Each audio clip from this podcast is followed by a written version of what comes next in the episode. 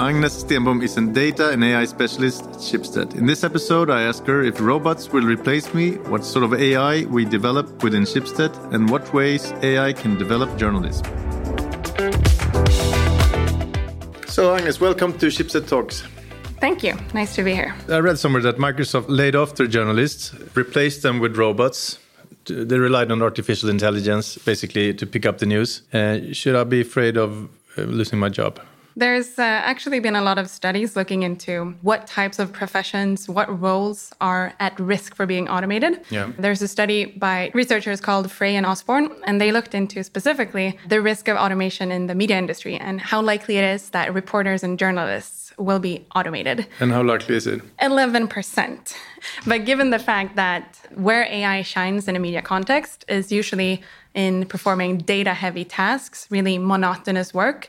And given uh, how I perceived your job and your role, you're not the, the first one to go. Okay.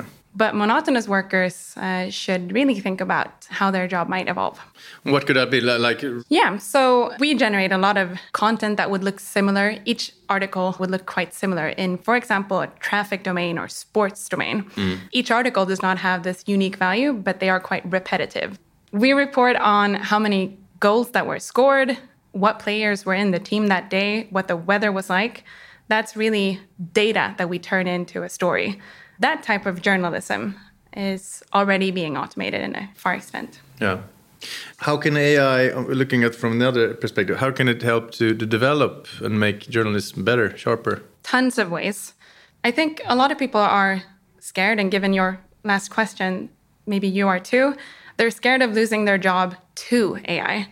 I think that we need to shift that logic and start talking about how our jobs can evolve with AI by our side. So, in the academic sphere, looking at the evolution of journalism, there's a lot of focus on this term that's hybridization. What, basically, that? yeah, basically that term relates to how we can pair machines and human, how we can become even better together mm. through becoming this hybrid being where the skills and the capacities of both are both utilized but also celebrated. So for the machines of that equation, that might mean that we employ AI or other types of computational approaches to perform really monotonous tasks, look into huge data sets, try to figure out if this one specific word was mentioned in any public record across the world. For the humans of the equations, on the other hand, this hybridization might mean that we get more time to do what I think many journalists and news workers wanted to do in the first place. So, if we get rid of all the monotonous and dry tasks, we get more time to engage ourselves in investigative journalism, do deep dives into specific niche stories, really practice journalism excellence. There's actually a great example of how AI can be used to do the digging in investigative reporting. It's coming from the American giant Quartz, or it's not a giant, but a great journalistic product.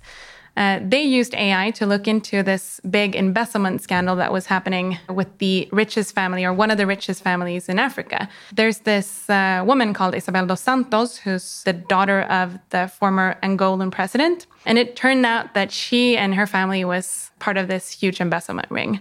And they used AI then to scan through hundreds of thousands of documents to build a case around the details of how that embezzlement happened. I think that's just a great example of how you can use AI to build your story upon facts. Yeah. Isabel dos Santos, this woman that they were investigating, she actually tweeted after this report was launched, the article that they did, and she said, So, yeah, right, they looked at 400,000 documents. And they just replied, like, no, we didn't. Our machines did. Yeah, very much so. And and VG has the, there's their own uh, super hacker, Einar Otto who did something similar with the pedophile rings a couple of years ago. Definitely, there's good examples, great examples, even coming from Schibsted. Highlighting an external case, uh, I wanted to do that because I want us to remember that this is not just a Schibsted shift, but it's an industry shift, a societal shift, even if you want. So uh, understanding that this goes way beyond specific organizations is quite important when we talk about these developments. So basically, AI should be a, you should look at it as a friend, not an enemy. Definitely, as an assistant. What sort of AI do you develop in Schibsted? We are utilizing AI in lots of different ways across the group.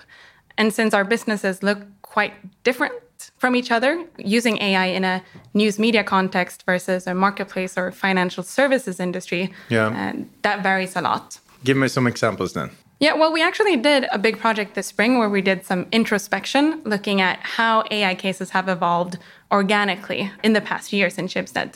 So basically, you can say that we're exploring AI in most ways possible. We try to map it out on an axis that was uh, user facing versus internal use. So, are we using AI to deliver stuff straight to the user? So, for example, recommend content or create an article. Or are we using it internally to strengthen up our own processes? Yeah. Uh, we are doing both. But we're also using AI in both exploitative and explorative ways, meaning that we are using it to, on the exploitative hand, try to automate or replace processes that we've had existing uh, human staff do before. So we use AI instead. Like- like for example, comment moderation, content moderation, Yeah. that type of work, or editorial insights, where we try to look at data from the stories that we've generated or uh, subscription data, that kind of data analysis. But we're also using it to do completely new things, things that we couldn't or hadn't done if it was only human capacity. So, an example of- of that could be that in our distribution businesses, we're using AI to calculate how we can minimize our CO2 emissions. So we are driving trucks with packages and papers all across primarily Norway, but also here in Sweden. Yeah. How can we use AI to calculate and minimize the emissions that we generate in that process? Yeah, that's a So good it- thing. Yeah, it's a it's a really good thing. And there's tons of examples like that. If you look at Schibsted as a whole, then which parts uh, could benefit the most of uh, AI? Well, AI can be used in so many different ways. So it's hard to say where that exact, like the sweetest of the spots are.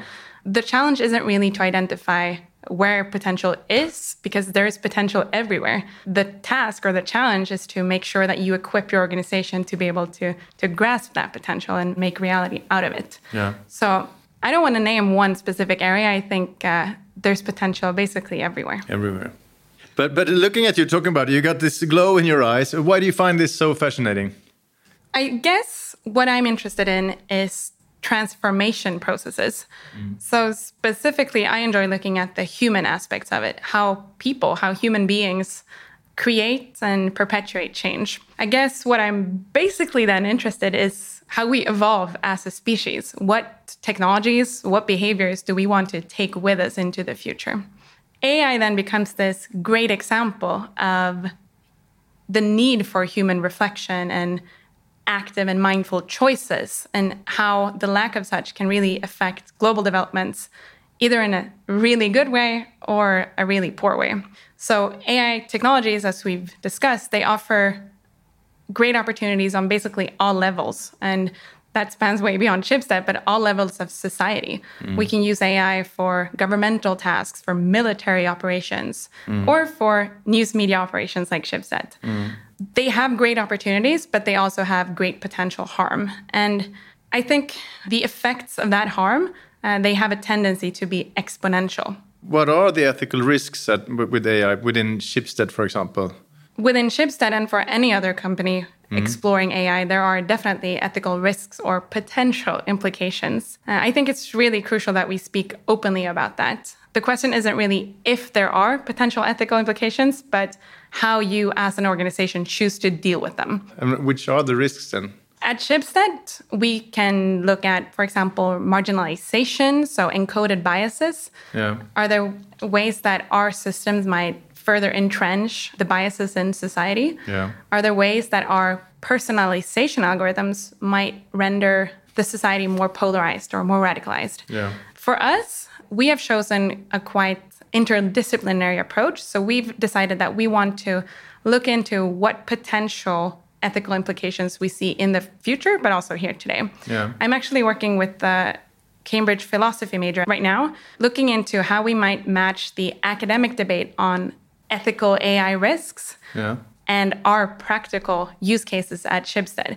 How might we pair theory and practice to kind of uncover where we don't want to go? Um, so, what we're doing is basically we've created a framework with ethical risks that might arise in our space, in our industries. And then we've conducted interviews, we've done surveys with lots of different product and tech leaders in Schibsted mm-hmm. to uncover both how we feel about these risks today. Are we concerned? Do we feel like we're doing the right thing? Yeah, are uh, we? We are quite certain that we are, yeah. And with my role and my focus, I'm quite certain as well. We are building an organization that really cares about these issues, uh, and we build in these safety mechanisms. For example, when it comes to news personalization, mm. that makes sure that we have that kind of anti filter bubble logic yeah. with us from the start. But even though we're really we feel confident today, uh, we are concerned about the future because as these technologies evolve, new risks will arise. Yeah. And this kind of mapping between theory and practice or matching theory and practice has proved really fruitful for us because what it's done is that it's helped us identify where we are the most worried going forward. And that makes us better equipped to focus our efforts. So now we know kind of these are the few areas that we need to focus on going forward.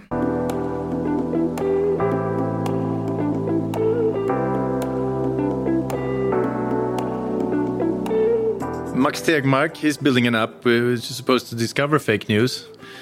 In what way would you use AI to make the world a better place? You're, I mean, apparently you're, you're doing it right now, but a specific example? For starters, I want to continue to help Schibsted leverage AI in responsible ways. Yeah. I think that if we are able to further deliver on the mission that we've set ourselves up for, I think that we can have substantial positive social impact. So it might not be the cool startup idea that Max Tegmark has, but I'm I'm a big fan of impact from the inside. And I think that if Schibsted leverages these tools in good ways, then we have a chance to be a force for good. You're currently working on something to understand, identify, and mitigate newsroom biases. We talked about that, but but elaborate on it anyways. I guess what you're asking about is the collaboration that we're part of with uh, Cambridge, right? With the London School of Economics, actually. Oh, that's the one. Okay. There, we are part of a global collaboration where I think we're about 25 newsrooms who are working together to explore different AI use cases in a news media setting. Mm. So, I'm actually the team leader from all over the world. From or? all over the world. So, okay. from the Washington Post, uh, Financial Times, to the South China Morning Post and Nikkei from uh, from Japan.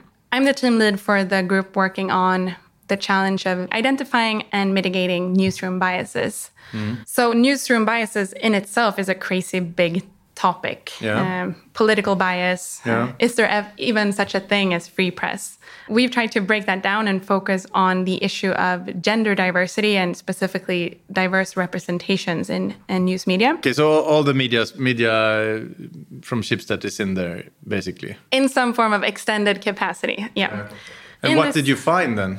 Well, it's an ongoing experimentation, so we yeah. have a few findings yet. But what we are exploring is how we can use AI technologies, the technologies that many people actually fear. Our mission there is to help our industry understand that while, yes, there are big potential uh, dilemmas or ethical risks associated yeah. with using these technologies, mm. there's also immense opportunity to use them in quite the contrary way. So we can use these tools to further our journalistic mission. Yeah. So when it comes to, in this case, gender bias specifically, we're trying to showcase the potential of using AI as kind of a force for uh, positive cultural change. Yeah. So we're currently working on creating a computer vision model that scans global content. So from uh, La Nacion in Argentina to Nikkei in Japan, we're collectively uh, assessing our uh, gender diversity yeah. Uh, to generate insights for our newsrooms. And we wouldn't be able to do that if it wasn't for a joint AI solution. You're part-time doing some research collaboration for, for Kungliga Tekniska Högskolan, right? And part-time trying to earn money for Schibsted. Am I, I like, I like to see uh, to see them. My full time occupation is to not just make money for Schibsted, but to uh, to further Schibsted. But uh, you have different roles, basically. Uh, yes, so I am fully employed by Schibsted, and as part of my role at Schibsted, I also do doctoral research at KTH in Stockholm. Yeah. So there we have entered a research collaboration where we jointly, both from a operational and academic perspective, Yeah. look at how AI can be used in responsible ways in our industry. So hmm. I'm personally very interested in how AI can be used in a newsroom setting, and that's a big part of my focus in the research. Yeah. So we look into various cases where AI is or could be employed as a force for good. But but the bias thing that it will be there after the AI. I guess I mean someone has to to uh, make the algorithm, so to speak, and that's human. So Yeah, I mean, how can you take away the bias? Is it is, is it even possible? bias is definitely a, a human thing. It did not come with AI and it won't go away with AI either. Oh. So just like human Do you think biases. it can, can improve, or mean, Well, what, what I think we need to be mindful about is uh, the fact that algorithms or AI systems are never objective. A lot of people try to visualize or depict AI as these like objective uh, robots, always the robot image. Yeah. While in reality, they're really just a product of human Yeah, they're decisions, designed by humans. Yeah, definitely. yeah, yeah. So again, the question isn't if they're there, but how to how to approach it. And I think a big chunk of what organizations need to do when it comes to mitigating Yeah. algorithmic bias, so encoded bias, is to have an increased awareness in their organizations that everyone who's involved in a product development phase in some sort uh, that they understand that their human decisions, their human biases, prejudice, or preferences will affect how how this system turns out. At Schibsted, I've run training programs with about 300 people, I think it's about, uh, in our product and tech organizations, where we've explored how biases might slip into our specific uh, products and use cases. And those sessions have proved really fruitful. And I would really recommend other organizations or more teams in Schibsted to do these kinds of exercises. Workshop around how for your specific case, your team's biases might affect what comes out through the product development. I think if you become more aware of the fact that biases might slip in, what those biases might be, you'll be better equipped at dealing with them. That might be what data they choose to train it on in an AI case. So, Yeah. what training data are you using? There's tons of examples where uh, companies like even big companies like Microsoft or Face Plus Plus, which, which is a Chinese giant, Yeah. um, where they've tried to build face detection AI, but they only trained it on data of white men or primarily white men, which of course then rendered the system worse for non-white males. That's a very like It's the same all over the world, though. Yeah. Wherever you go. yeah, but it's it's a basic example and it's a well-known case by now. But I think what we need to do is to understand that that type of logic, like what what input do you give your system? That's not just for face recognition, but that's something that any AI product team will need to reflect on. What data are you giving it, and then what metrics are you optimizing it for? Or how are you measuring its success? So you sound very uh, AI savvy, but but uh, as a whole, Schibsted, I mean, how, how AI savvy are we as a company? I mean, we said that we will will go to war with the big social media giants and so on. how well or how far we've come uh, that's that depends on what you're comparing us to Yeah. um, Facebook, Google. yeah and i mean if you're comparing us to traditional media houses then i'd say yeah we're definitely part of pushing uh, So pushing we're better than. Bonnier then. Probably. I will not comment on that question, but uh, let's just say that we're part of the forefront. Yeah. But uh, if you're comparing us to the data giants of either the West or the East, there's definitely players that are well ahead. And I think a lot of the explanation as to why that is so uh, could be found in our organizational DNA, what kind of company uh, we are and where we come from. We are coming from a publisher or publishing culture, societal effects, ensuring responsible practices, that's kind of our key to existence or reason for existing in the first place. Yeah. Being dedicated to responsible or trustworthy practices, that shouldn't have to be an innovation stifler.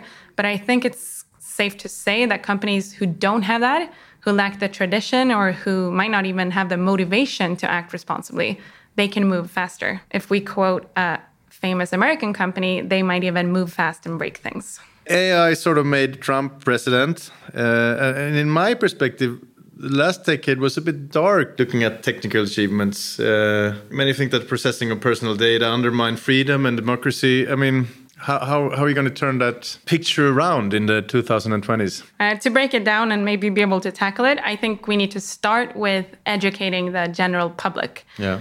Not everyone needs to become this super savvy AI developer, but we all need some basic frames to understand A, what these tools are, what they can do for us, mm. and B, what that might mean for us on different levels of society.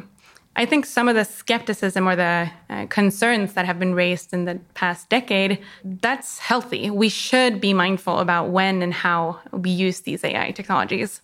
But as the situation is right now, it's not necessarily those who are sitting at the development table who is part of that uh, conversation, who are pondering these big questions.